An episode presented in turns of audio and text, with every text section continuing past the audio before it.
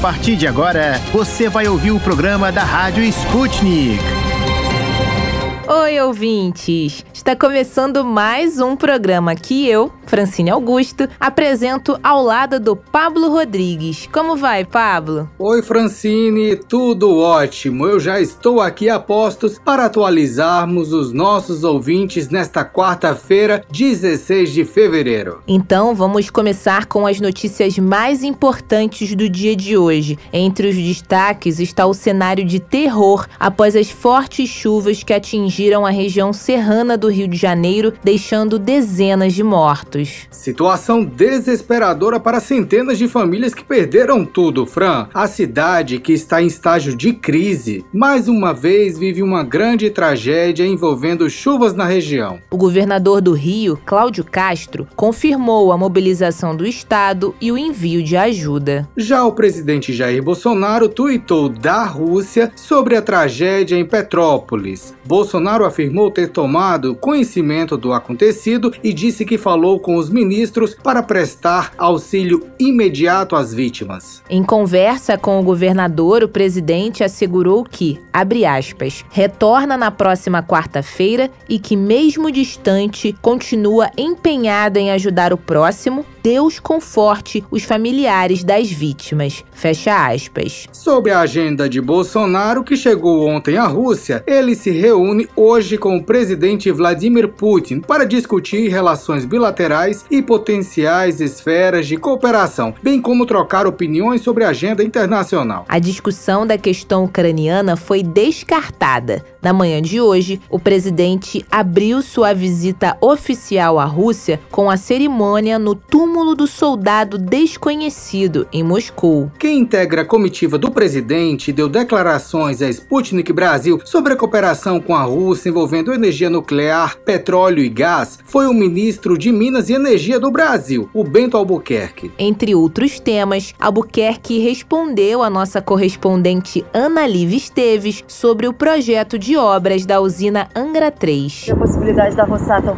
cooperar com a, o término da Angra 3? A possibilidade sempre existe, né? E a Rosatom já é uma parceira nossa já há algum tempo. E essas tratativas estão sendo feitas pela Eletronuclear junto com a modelagem. Não é o fato da Rosatom ou qualquer outra empresa, é a modelagem que está sendo finalizada lá pelo BNDES. Isso é que vai determinar quem será o parceiro específico que vai terminar a usina. A Eletronuclear, que é a única empresa no Brasil a produzir eletricidade a partir de fonte nuclear, vai escolher a empresa que for especialista no setor. Lembrando que a russa Rosatom é uma das empresas capacitadas para finalizar a obra e entrar em operação no início de 2026. Bom, antes de fechar o nosso giro, trazemos informações da Ucrânia. O presidente Vladimir Zelensky escolheu esta quarta-feira como Dia da União. O líder ucraniano fez a definição do que espera ser uma manifestação patriótica depois de relatos dos Estados Unidos sugerirem que as forças russas poderiam atacar o país do leste europeu hoje, 16 de fevereiro. A escolha acontece apesar da intensa campanha diplomática em andamento para acabar com a crise. Ontem mesmo, o presidente Joe Biden disse que Washington está pronto para chegar a acordos. Depois destes destaques nacionais e internacionais, que tal conferirmos o que preparamos para vocês no programa de hoje? E no programa de hoje. O Destrinchando a Charada Brasil fala dos problemas na safra brasileira deste ano.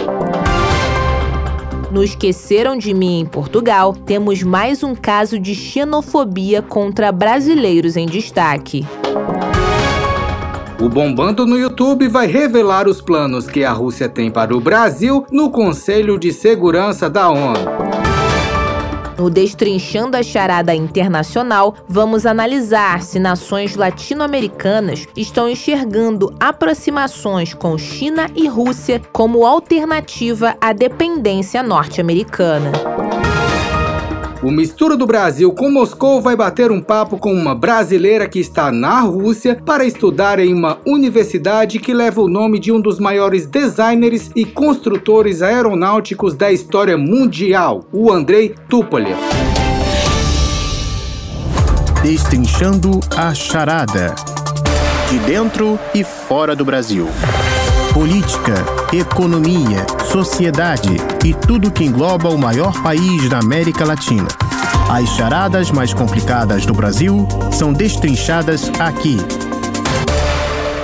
Olá, queridos ouvintes. No Destrinchando a Charada Brasil, falaremos sobre os impactos na safra brasileira em 2022. Ano difícil, Pablo. A Confederação da Agricultura e Pecuária do Brasil acredita que, até o momento, houve uma quebra de 25,2 milhões de toneladas na produção de grãos no Sul e Mato Grosso do Sul tudo isso devido à estiagem. As produções de soja, arroz, milho e feijão sofreram este impacto e automaticamente os gastos dos produtos chegam para o consumidor como alimentos mais caros. Verdade, Pablo. No mês passado, a alta dos alimentos correspondeu por 43% de 0,54% da medida oficial de inflação, o IPCA 15. Mesmo com os impactos, a Companhia Nacional de Abastecimento afirma que a safra total de grãos para este ano deve atingir 268,2 milhões de toneladas. Isso corresponde a 22,8 milhões de toneladas a menos do que as projeções iniciais de dezembro, que eram de 291 milhões de toneladas. Os estados mais impactados pela estiagem são Paraná e Rio Grande do Sul, caros ouvintes. Dos 497 municípios do Rio Grande do Sul, 401 decretaram situação de emergência devido à estiagem que impacta as lavouras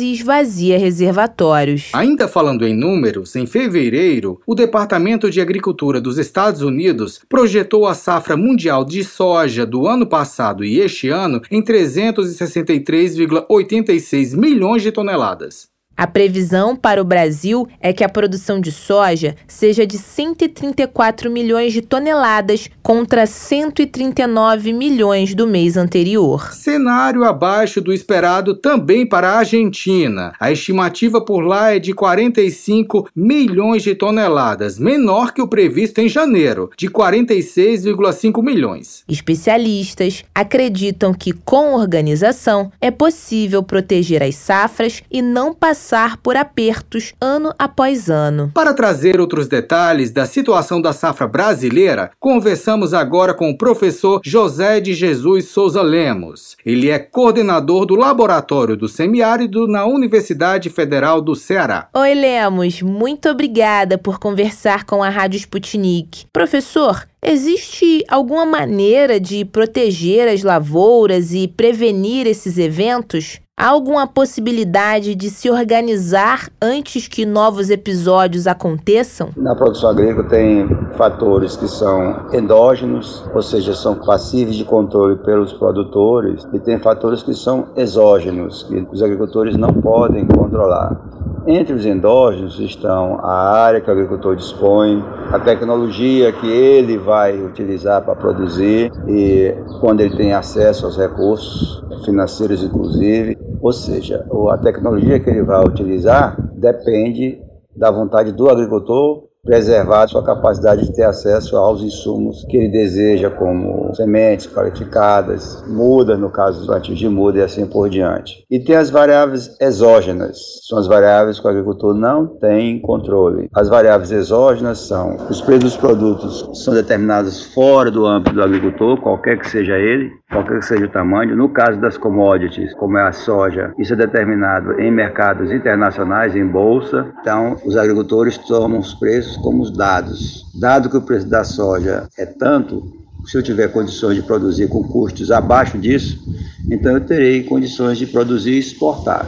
Variável exógena, preço. A outra variável os preços dos agricultores, como eu falei, eles não têm acesso a eles, mas eles podem prever. A gente faz previsão de preço, faz modelagens, usa modelos estatísticos, cria cenários, então a gente pode fazer simulações, probabilidade, assim por diante. Mas tem as variáveis exógenas que os agricultores nem ninguém tem qualquer capacidade de controlar. Essas variáveis estão associadas ao clima, tá certo? São variáveis que nós, os seres humanos, os agricultores, pesquisadores, cientistas, ninguém tem controle sobre elas. É o clima, ocorrência de seca, geadas, terremotos, então não tem como controlar, e nem condições de previsão. A gente tem, no caso do Nordeste, por exemplo, eu tenho séries longas de pluviometria de desde 1901 que a gente pode ver, a gente pode fazer e eu faço isso, é a probabilidade de ter acontecido seca nos 120 anos de observação de chuva que eu tenho só. E daqui para frente, a longo prazo, há pesquisas ou estudos para adaptar as nossas safras e, consequentemente, termos menos impactos relacionados ao clima? Ninguém pode fazer nada, ninguém pode evitar a seca.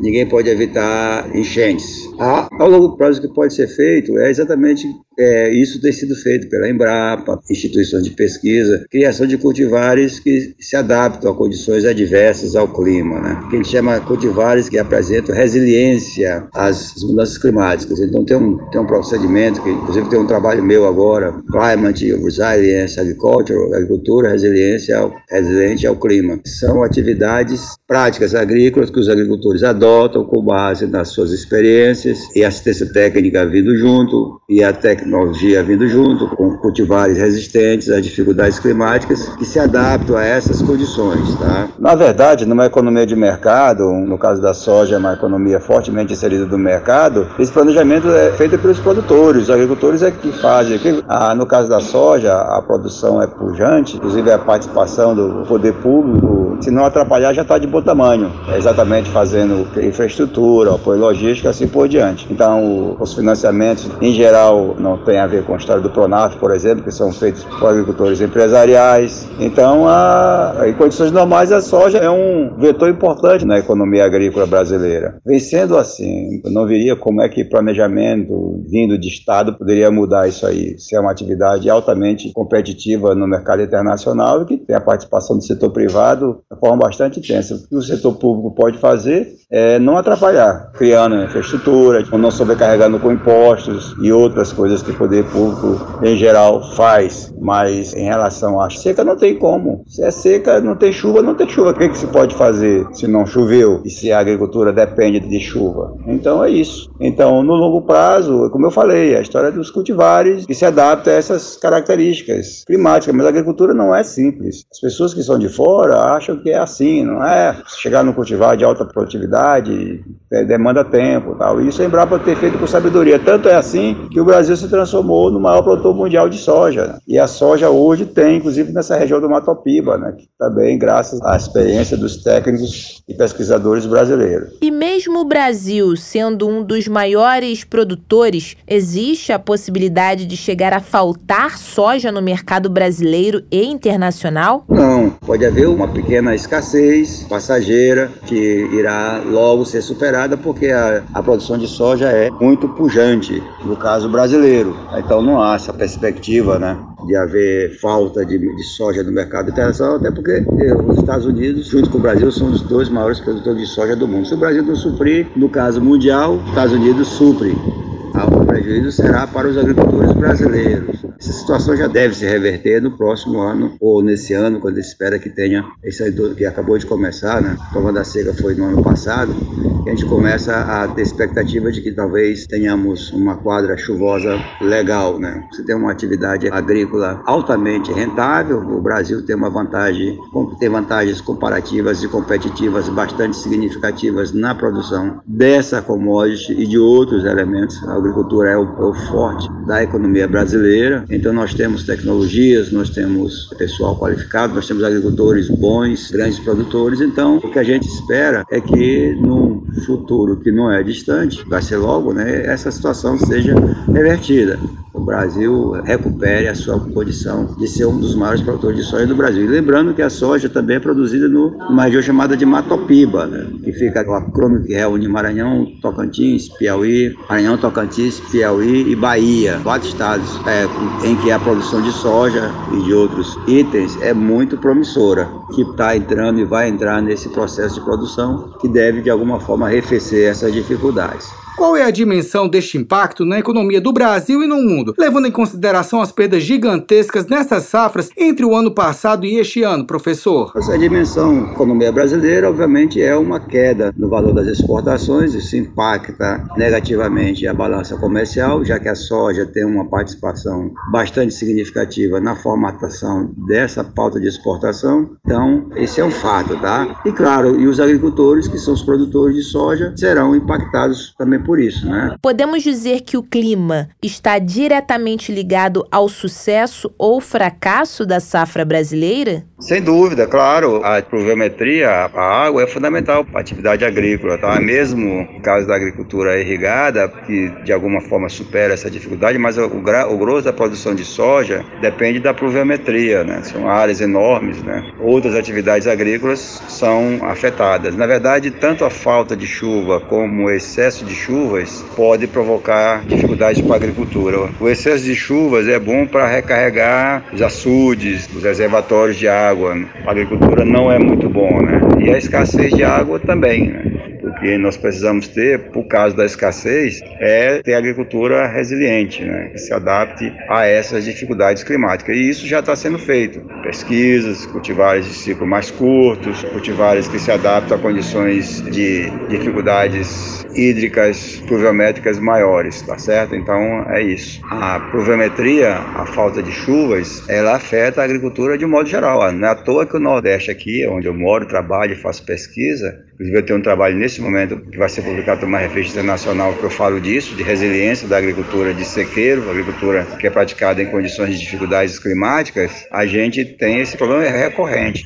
E como eu falei, a gente não pode, não tem como antever, a gente não tem como prever chuvas, são as variáveis exógenas. A gente tem como criar condições para que os agricultores sejam resilientes a ela, e eles mesmos fazem isso. Como? usando cultivares mais adaptados a essas dificuldades, etc. No caso da agricultura irrigada, aplicando irrigação, Agora, para ter irrigação é preciso que tenha chovido antes, tenha acumulado água nos reservatórios. Entre 2012 e 2017 teve uma seca braba no Nordeste e aqui a reserva dos reservatórios praticamente foi para o chão, então não tem água para fazer irrigação. Antes de encerrarmos a nossa entrevista, a sua opinião, professor. Mesmo com a situação atual, podemos reverter o quadro negativo das safras? Para resumir, eu digo o seguinte: a situação foi difícil, o Brasil vai perdeu na, na balança comercial em virtude da participação importante da soja na nossa pauta de exportações, mas essa é uma situação que vai se reverter porque o Brasil tem vantagem comparativa e competitiva nesse item. Não se pode fazer nada contra o clima, né? O clima é variável exógena, que é determinada pela natureza, não se pode nem prever o que vai acontecer daqui a um ano em relação à chuva ou à falta dela. Então, o que se tem que fazer é criar a agricultura resiliente a essas dificuldades climáticas. Essa tecnologia já está sendo desenvolvida. Na verdade, esses cultivares que a Embrapa desenvolveu, eles têm esse potencial muito grande, mas aí foi uma situação totalmente anômala. Parece algo óbvio, mas, de fato, prevenir é sempre o melhor remédio nesses casos, não é, Pablo? Com certeza, Fran. Com o planejamento adequado e utilizando toda a tecnologia a nosso favor, as perdas poderiam ser bem menores. Professor, muito obrigada por aceitar nosso convite. Volte sempre. Esse foi o José de Jesus Souza Lemos, coordenador do Laboratório do Semiárido da Universidade Federal do Ceará. Nosso Destrinchando a Charada Brasil de hoje fica por aqui. Até amanhã.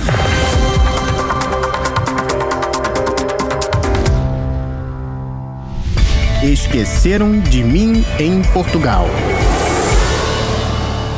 Senhoras e senhores passageiros, apertem os cintos de segurança porque estamos prestes a decolar rumo a Portugal. A tripulação Sputnik Brasil deseja a todos uma ótima viagem.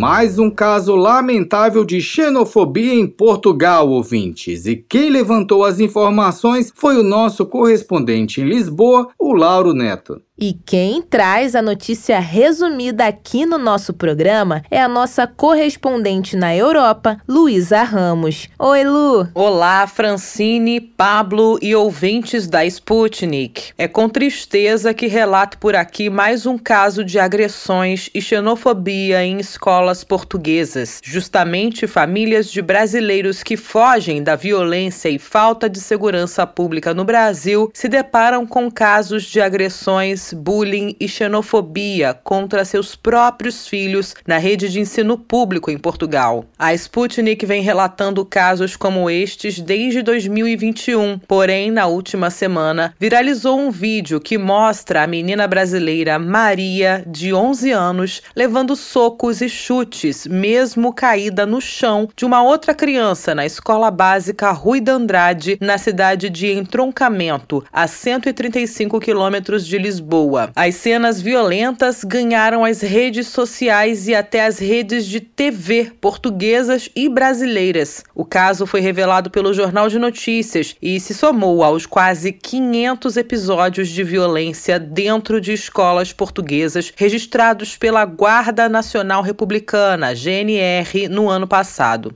Mas não foi a primeira vez que Maria, no caso, foi agredida na escola. Em 2021, ela já havia levado um tapa na cara de uma outra aluna portuguesa. Ainda no terceiro ano, Maria ouvia frases xenófobas como, aspas, volta para sua terra que aqui não é o seu lugar, fecha aspas. E conta que ficava muito magoada, pois diz que ama o Brasil, mas também ama Portugal. E ela lamenta não ser aceita pelos colegas por conta de sua nacionalidade e pelo seu jeito de ser. A mesma menina portuguesa que agrediu Maria enviou antes mensagens à menina, bem próximo ao último Natal, dizendo que toda a turma a odiava e que todos queriam que ela morresse, inclusive com mensagens incentivando Maria a se suicidar, o que acabou levando a criança a realizar cortes superficiais com um estilete em sua própria pele, conforme a mãe Antônia Silverlene Melo lamentou a Sputnik. A cearense, ex-moradora de São Gonçalo, região metropolitana do Rio de Janeiro, descreveu seus sentimentos como mãe após o discurso de ódio e agressão física que sua filha sofreu no colégio. É frustrante, deprimente. Eu me sinto mal, na verdade, é como se eu tivesse feito a escolha errada em ter vindo para cá e ver minha filha passar por uma situação dessa. Me senti sem chão. Eu ainda estou um pouco perdida quanto à ideia de me mudar, se eu continuo aqui ou não. Mas eu não sei se isso prejudicaria os acompanhamentos que ela já faz, médico, com pediatra, agora com a psicóloga. Mas de escola, sim, eu vou estar tá trocando ela de escola. Antônia denunciou o caso à PSP, Polícia de Segurança Pública de Portugal. E Amélia Vitorino, diretora da escola onde Maria foi agredida, informou que um inquérito de averiguações foi instaurado há uma semana e se encontra em fase de conclusão para efeitos disciplinares. Antônia Silverlene Melo conta que sua filha Maria também já estudou durante um ano na Bélgica e que por lá a situação foi completamente oposta à de Portugal, onde ela foi muito bem recebida e não houve qualquer discriminação ou bullying pelo fato de ser brasileira. Na reportagem de Lauro Neto também há o relato de violência e bullying sofrido por outra criança de 8 anos em uma escola de Portugal. O Ministério da Educação do país vem sendo procurado pela reportagem da Sputnik há mais de 15 dias, mas não se pronunciou até o momento. Por hoje, o quadro Esqueceram de Mim em Portugal fica por aqui, caros ouvintes. Amanhã eu volto com mais informações. Olha, já é tão triste ver esse tipo de situação com adultos, pior ainda com crianças. Verdade, Fran. Preconceitos de todas as formas são são abomináveis. Olha só, pessoal. Quem quiser pode ler a reportagem completa do nosso correspondente Lisboa, Lauro Neto, no nosso site. Acesse br.sputniknews.com, procure na busca pelas palavras-chave xenofobia, violência e Portugal ou direto pelo nome do Lauro Neto e será possível ver todas as últimas publicações dele. E claro, agradecemos a Luísa Ramos por ter trazido as informações em forma de áudio para nós aqui no programa. Luísa, muito obrigado e até amanhã. Bombando no YouTube. Curtidas e mais curtidas da Rússia ao Brasil. Confira com a Rádio Sputnik os vídeos que receberam mais likes e visualizações e estão no topo do YouTube. E fique por dentro do que está sendo filmado por amadores ou profissionais pelo mundo afora.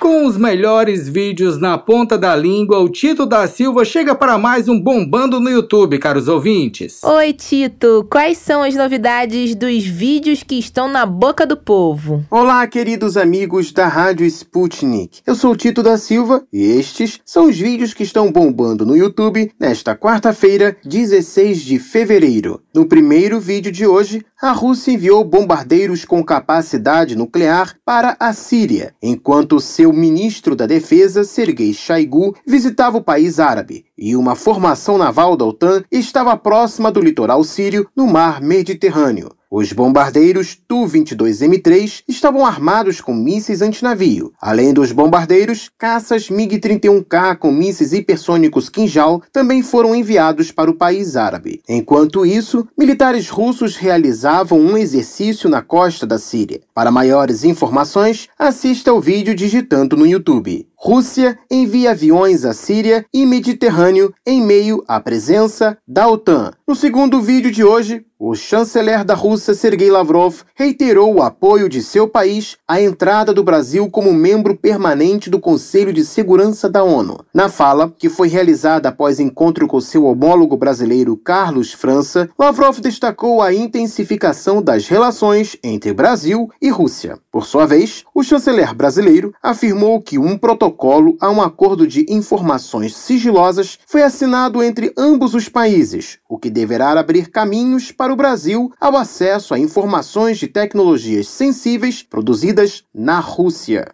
Assista ao vídeo digitando Rússia insiste. Queremos que Brasil seja membro permanente do Conselho de Segurança da ONU. No terceiro vídeo de hoje, os Estados Unidos possuem planos para enviar uma missão diplomática e também militar à Guiné Equatorial, com o objetivo de impedir que o país africano venha abrigar uma base militar da China, segundo o Wall Street Journal. O jornal afirmou que, segundo a inteligência norte-americana, a China possui planos de construir uma base naval que possa garantir a presença permanente de navios de guerra chineses no Atlântico, oceano onde imperaria a hegemonia naval dos Estados Unidos. Para ver o vídeo, coloque assim: chineses prestes a construir base no Atlântico. Estados Unidos tentam impedir, diz WSJ. No quarto vídeo de hoje, você se lembra do Alborguete? Bom, este com certeza foi um dos jornalistas mais famosos do Brasil e idealizador de programas de notícias em que o apresentador fala tudo que vem na língua e expõe sua opinião bem sincera sobre problemas do cotidiano no Brasil. Alborguete, que nasceu no interior de São Paulo, teve uma história bem diferente antes de chegar à mídia no Paraná,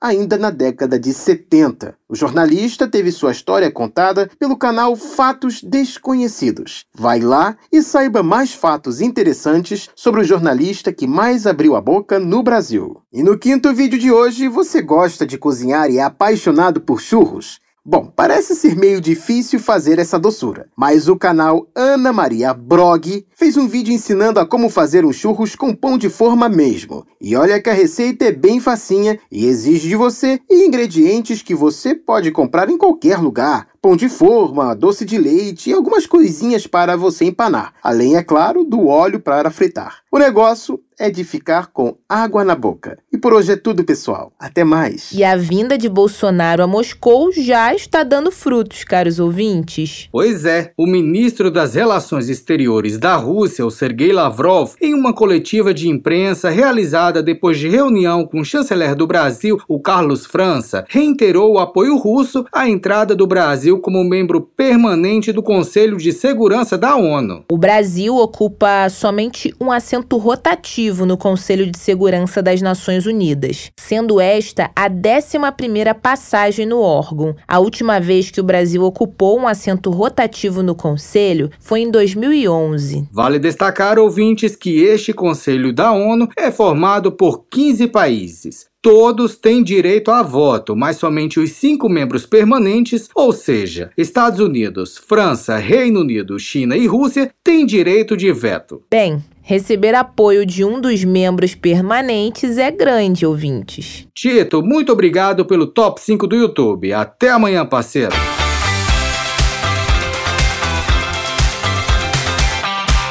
Destrinchando a charada. Encruzilhada Internacional. Relações políticas, socioeconômicas e muito mais entre as nações deste mundão. Da Rússia aos Estados Unidos. Encontre com a gente as respostas às perguntas do momento.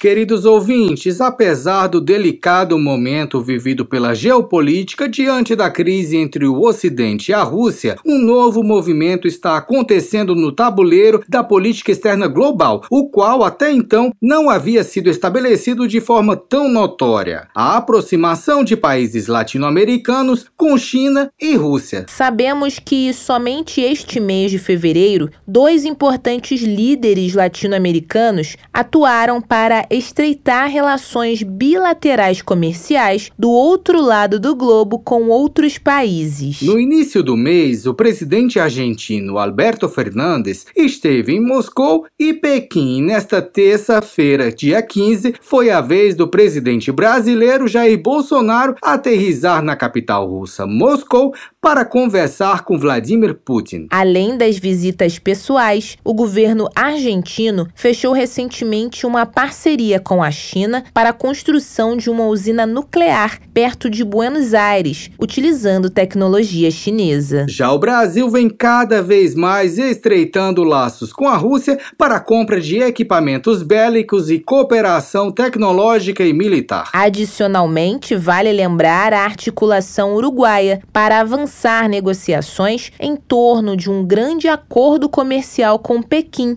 a revelia do Mercosul no final do ano passado. Será que Pequim e Moscou estariam sendo observadas como alternativa à dependência de nações da América do Sul e Central aos Estados Unidos? Para esclarecer, convidamos hoje Bruce Scheidel Campos, professor e pesquisador do Grupo de Estudos sobre o BRICS na Universidade de São Paulo. Bom, Bruce, como comentamos recentemente, o presidente argentino, o Alberto Fernandes, realizou visitas de Estado à China e à Rússia. Segundo a mídia alemã Deutsche Welle, numa espécie de diplomacia relâmpago. Ontem, Bolsonaro também chegou à Rússia. E aí, como essas visitas de líderes latino-americanos estão sendo tratadas na seara internacional? Na verdade, essas visitas, elas vêm no momento pontual em que há uma escalada de tensões, né, por causa da situação da Ucrânia e por causa dos movimentos dos países da OTAN e da Rússia do outro lado. E isso é atribuído, coloca esse momento num contexto que, como se justificasse uma oposição a, por exemplo, à União Europeia. Porém, não, na verdade, nunca essa interação, por exemplo, de Brasil e Rússia, Brasil e China, ela se contrapôs à União Europeia ou às relações com os Estados Unidos. Essa questão, ela sempre foi tratada separadamente, até porque o Brasil ele não está nesse jogo das conversas de países da OTAN e Rússia na crise ucraniana. Na prática, isso tem a questão narrativa e a visita, por exemplo, do presidente Bolsonaro à Rússia pode sim diplomaticamente ser um momento inoportuno no por causa de toda a crise, porque passa várias mensagens, embora vá depender muito do discurso que será adotado na ocasião da visita com o presidente Putin, mas as relações do Brasil com a Rússia, ela também teve momentos, nos últimos anos ela vem crescendo muito a partir do início do, dos anos 2000, já esteve até mais próxima em governos anteriores, a saber do governo Lula e governo Temer, por exemplo, e essa aproximação ela se manteve, né, mesmo com governos de diferentes espectros ideológicos ideológico do Brasil. Então, os assuntos que serão tratados ali são realmente caros a, aos interesses brasileiros, sobretudo no comércio, interesses do agronegócio e também da indústria de defesa a qual inclusive o Brasil fez algumas aquisições de material bélico nos últimos anos com a Rússia. Podemos dizer que a influência de emergentes como Rússia e China está aumentando nos últimos tempos e que por isso os países da América Latina vêm reajustando suas miras? Sim, isso é um contexto muito amplo, né? Principalmente quando se fala de China. A China tem sim aumentado a sua influência econômica e comercial nos últimos anos, não só na América Latina, mas até mais fortemente no, em seu entorno, na Ásia e na África. E a China, ela, embora em menor grau, tem aumentado sua presença na países latino-americanos com vários acordos, como o citei da Argentina, né, tem vindo com bastante força. E isso é um movimento, sim, de um aumento da influência. E por outro lado, os países latino-americanos, nomeadamente aí o Brasil e a Argentina, eles precisam formular uma estratégia de interação. Né? O que a Argentina quer com a China, o que o Brasil quer com a China, e agora mais recentemente tem a Rússia, que também se colocou com mais presença, né, sobretudo por causa da crise venezuelana. A Rússia tem relações excelentes com o Brasil, nunca teve nenhuma animosidade. Eu acho que o diálogo aí é muito facilitado nesse sentido, mas mesmo assim o Brasil precisa estar bem posicionado né, nessas discussões, porque é, Rússia e China têm estratégias muito bem definidas nas suas relações bilaterais e multilaterais, e o Brasil, sobretudo nos últimos anos, isso tem sido um pouco nebuloso. Então, é muito importante esse posicionamento por parte dos países latino-americanos para oferir ganhos, né, ser relações ganha-ganha, relações pragmáticas, tanto com a China quanto com a Rússia e outros emergentes. Entendi, professor. Olha só, alguns analistas apontam que no caso do Brasil, as aproximações com China e Rússia podem distanciar o nosso país da União Europeia. O que você pensa sobre essa questão, Bruce? Essa discussão ela tem que ser amplificada também, porque se você pensar só no contexto dos últimos movimentos militares em torno da questão ucraniana, parece que isso é um fator de presidente brasileiro na Rússia, parece que isso é um fator de distanciamento. Porém,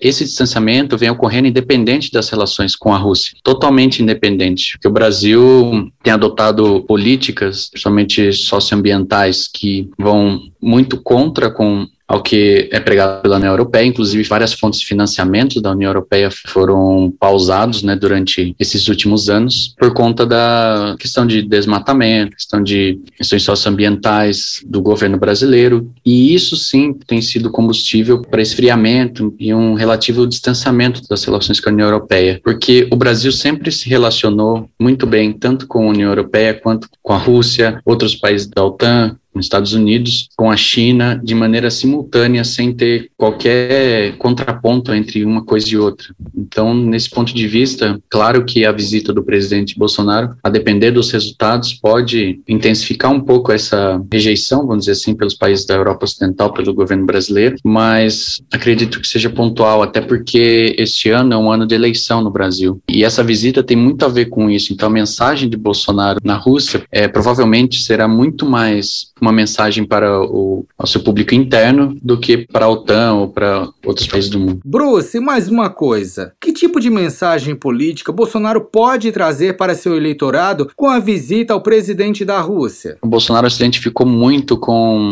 a figura pessoal do presidente Putin, não com o seu governo, com suas políticas, mas com a sua questão pessoal, questão de imagem, a questão de que representa o último encontro entre eles. É bastante positivo, assim, em termos de para o Bolsonaro Bolsonaro em relação aos seus apoiadores. Esse encontro, ele é muito estratégico no sentido eleitoral e não são muitos países atualmente que aceitam receber o Bolsonaro. Então, passa essa mensagem de que estamos atuando internacionalmente, estamos, vamos trazer investimentos para o Brasil, vamos negociar questões de defesa, de comércio com a Rússia e não estamos isolados, como dizem, estamos seguindo forte na nossa situação internacional, até porque o presidente Bolsonaro, após a visita à Rússia, vai para a Hungria também, que vai visitar um outro aliado, que é o primeiro-ministro Viktor Orbán, da Hungria, e isso é para mostrar, se colocar como um líder da extrema-direita no mundo ali, e também se colocar como um estadista mesmo, principalmente nesse ano de eleição. E tem a coragem também de fazer uma visita em meio a uma suposta iminência de um conflito. Então, são muitas mensagens aí no ano eleitoral. A popularidade vem caindo,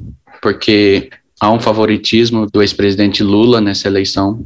Inclusive visitou vários líderes europeus alguns meses atrás, inclusive o Olaf Scholz, que atual chanceler da Alemanha, antes de tomar posse, recebeu o ex-presidente Lula também. São todas essas questões aí que vão sendo colocadas no tabuleiro não só internacional do Brasil, mas também doméstico, nessas eleições que vão ser muito importantes para o posicionamento brasileiro daqui em diante na esfera internacional. Dentro das relações internacionais, o Brasil, representado pelo presidente Jair Bolsonaro, poderia ser usado como uma espécie de mediador por ser um parceiro de praticamente todos para resolver questões como a crise na Ucrânia, ou, por exemplo, a questão do gás russo, do gasoduto Nord Stream 2 na Europa? Olha, eu acho que alguns anos atrás isso seria mais determinante. Mas a verdade é que o Brasil está tendo muitos atritos diplomáticos, políticos com vários países do Ocidente e inclusive com a China nos últimos anos. Combinado a isso também, a presença do Brasil em alguns foros internacionais diminuiu bastante ao longo dos anos, em relação a mais ou menos 10 anos atrás, por exemplo. Eu acho que a, esses valores da diplomacia brasileira, que sempre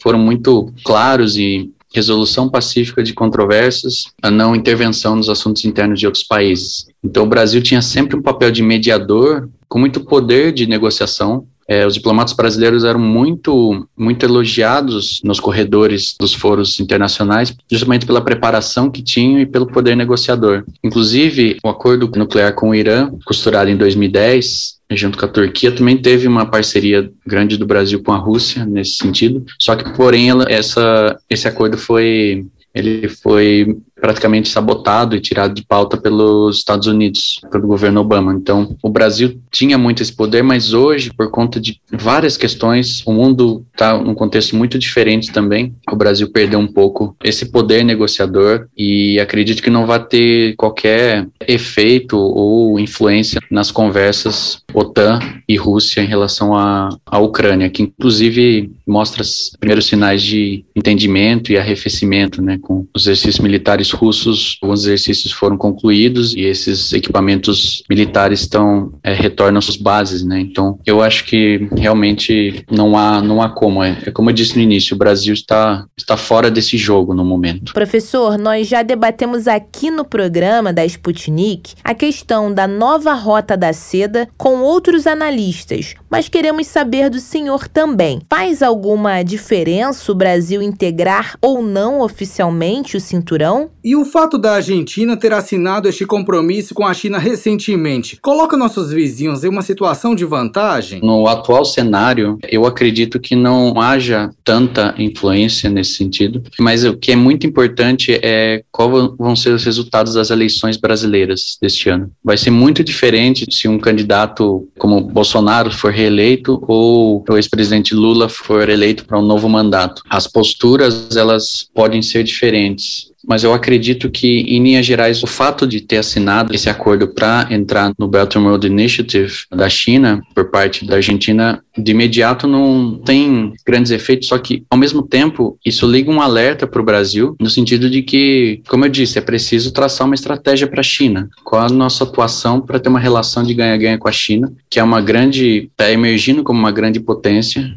está ocupando vários espaços que estão desgastados pelas instituições de, antigas instituições de Bretton Woods, pelo próprio poderio dos Estados Unidos que vem minguando cada vez mais e a China tem ocupado esse espaço. A Rússia está fazendo a sua parte, está reafirmando alianças, está colocando questões dos seus interesses, o que querem de um lado e o que esperam do outro. E o Brasil deve fazer a mesma coisa. A Argentina está fazendo também, está formatando sua relação com a China. E o Brasil ainda não o fez. Então, isso que é muito importante. Precisa ser colocado vários setores da sociedade para sentar chegar a consenso sobre qual será o posicionamento do Brasil e a relação que o Brasil vai ter com a China. Tá aí, professor Bruce reafirmando a influência das eleições presidenciais de 2022 nas relações internacionais brasileiras. Para finalizar, professor Bruce, o que precisamos ficar atentos nessas questões atuais a respeito do atual momento vivido entre Estados Unidos, OTAN e Rússia, considerando o Brasil no tabuleiro? No resumo de tudo isso, que foi falado é que existe muita especulação neste momento. Quando há tensões e ameaças de conflitos ou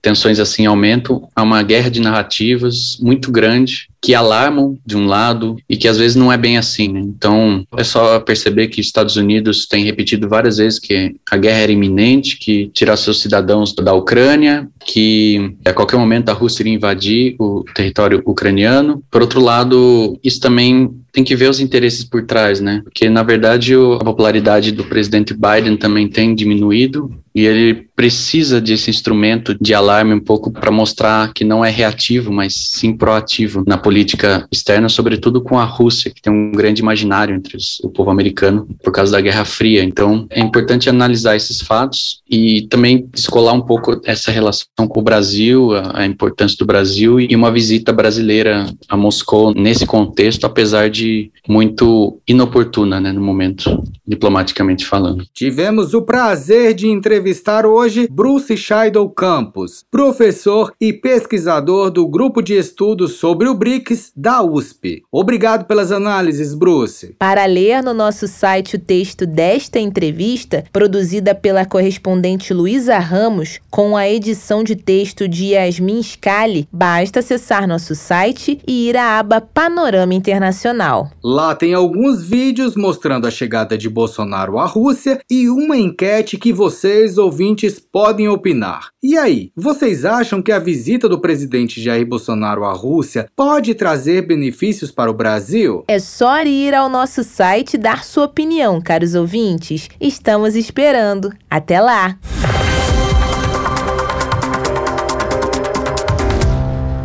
Mistura do Brasil com Moscou.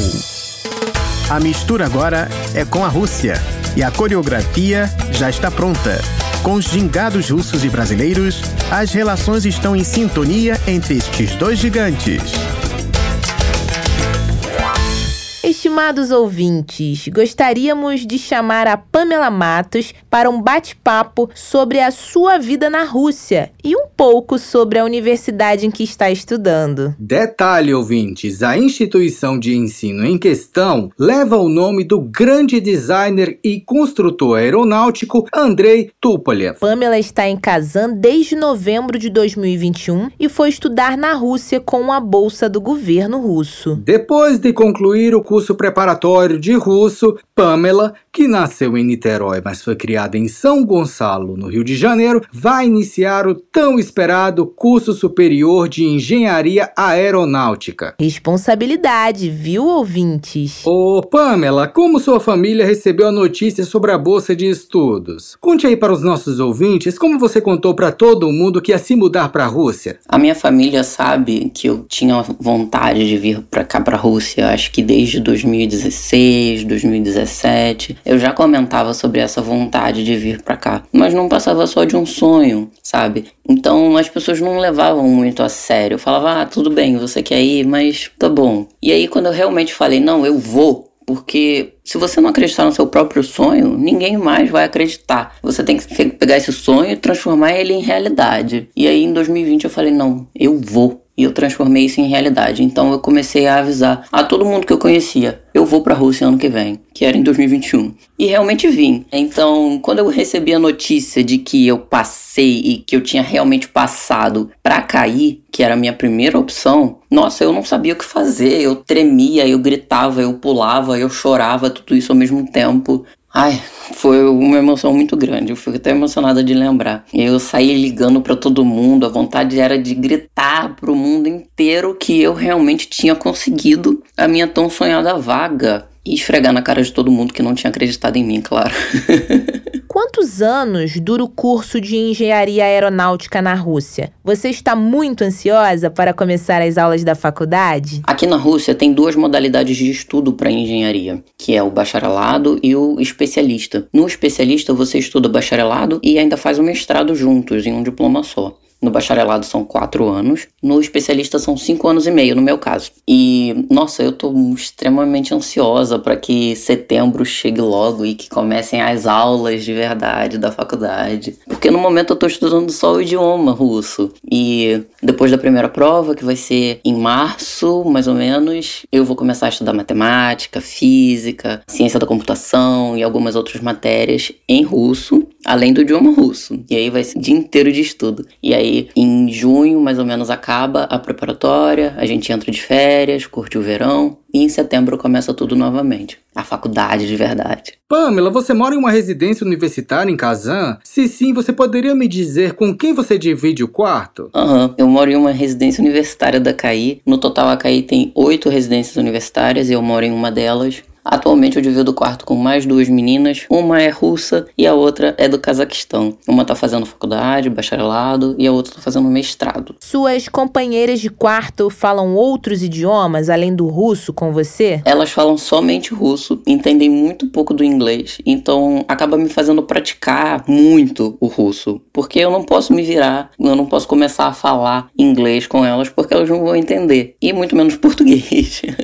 Então, eu acabo praticando muito o idioma o dia inteiro, ou falando ou ouvindo o que elas estão falando, o que é maravilhoso, na verdade. É uma ótima maneira de praticar o idioma, Pamela. Então eu fico muito feliz em saber que suas companheiras de quarto só falam russo com você. A Universidade CAI, onde você estuda, leva o nome de um dos mais brilhantes designers aeronáuticos russos de todos os tempos, com muitas de suas criações sendo usadas até hoje. Você poderia explicar para os nossos ouvintes quem foi Andrei Tupolev? Tupolev foi um exímio construtor de aeronaves. Ele construiu mais de 100 tipos de aeronaves diferentes e dentre as quais bateram 78 recordes mundiais. Tupolev é considerado o pai da aviação moderna. Eu gostaria de contar uma história interessante. o filho dele, também seguindo os passos do pai, se tornou construtor de aeronaves e construiu o Tu-144, que é o primeiro avião comercial supersônico do mundo. Esse avião, ele está em um dos campos da minha universidade. É lindo o avião. E, nossa, é incrível estudar onde gênios da engenharia estudaram e lecionaram. E os gênios russos da engenharia influenciaram a sua decisão de vir estudar na Rússia? Alguns bons anos atrás, lá pelos meus 20 anos, eu estudava numa faculdade pública, na UF. Fiz alguns amigos que carrego até hoje. Um deles estudava engenharia e observando os livros dele eu percebi que muitos autores eram soviéticos e russos, né? Isso me fez despertar o interesse pela Rússia, saber por que que a maioria dos livros eram de autores russos. Eu fui nutrindo esse interesse e descobrindo cada vez coisas mais interessantes sobre a história da engenharia na Rússia. E quando eu descobri que eu podia estudar aqui e de graça, eu fiz dessa informação o meu sonho, o meu objetivo objetivo de vida. Eu demorei alguns anos para convencer todo mundo de que eu poderia realmente vir estudar aqui, mas como eu disse, em 2020 eu bati o um martelo e falei, eu vou. Como dizem, né? Não é você que escolhe a Rússia, é a Rússia que escolhe você. E a vida na Rússia traz muitas situações inesperadas para nós, não é mesmo, Pamela? Situação engraçada é o que mais tem quando você é imigrante num país. então, nossa, nos meus primeiros dias aqui eu comprava água com gás, e aí quando eu ia cozinhar, via que era água com gás, e aí não podia cozinhar. Ah, demorei a aprender a andar na neve, sempre escorregando. Eu cheguei aqui com um tênis do Brasil que não era impermeável, e aí toda vez eu pisava numa poça de água, molhava o pé, ficava com o pé molhado, sentindo frio, até eu conseguir comprar uma bota impermeável para poder ficar na neve direito e comprar roupas adequadas para o frio russo, porque eu vim para cá só com moletom, eu não tinha comprado casaco pesado para vir para a Rússia. Então tive que pedir casaco emprestado para os meus colegas de classe, mas eu nunca caí na neve, eu só escorreguei. Eu caí uma vez patinando no gelo, mas foi minha primeira vez patinando no gelo também, né? Eu achei uma experiência incrível e eu quero repetir sempre. Nossa, patinar no gelo foi incrível. E tem muito lugar aí em Kazan onde dá para patinar? Existem diversos lugares aqui em Kazan que você pode ir para patinar no gelo. No Chorney Ozera, por exemplo, se você tiver o seu próprio patins, você consegue patinar de graça. Se você não tiver, você aluga o seu patins. É muito baratinho, é 200 rublos por hora. E se você apresentar o cartão de estudante, você paga só metade, paga 100. Toca música na pista, tem uma área para você colocar o patins, para você guardar o seu sapato, né, enquanto você tá usando o patins. Tem uma cafeteria dentro desse lugar. Nossa, lá é muito lindo, de verdade. É cena de filme, caros ouvintes. A Pamela me contou que o primeiro lugar onde ela patinou foi em um lago congelado, o que é muito comum aqui na Rússia. Lá em Kazan, neste lago onde a Pamela patinou, o aluguel de patins custa 200 rublos por hora, ou seja, quase 14 reais.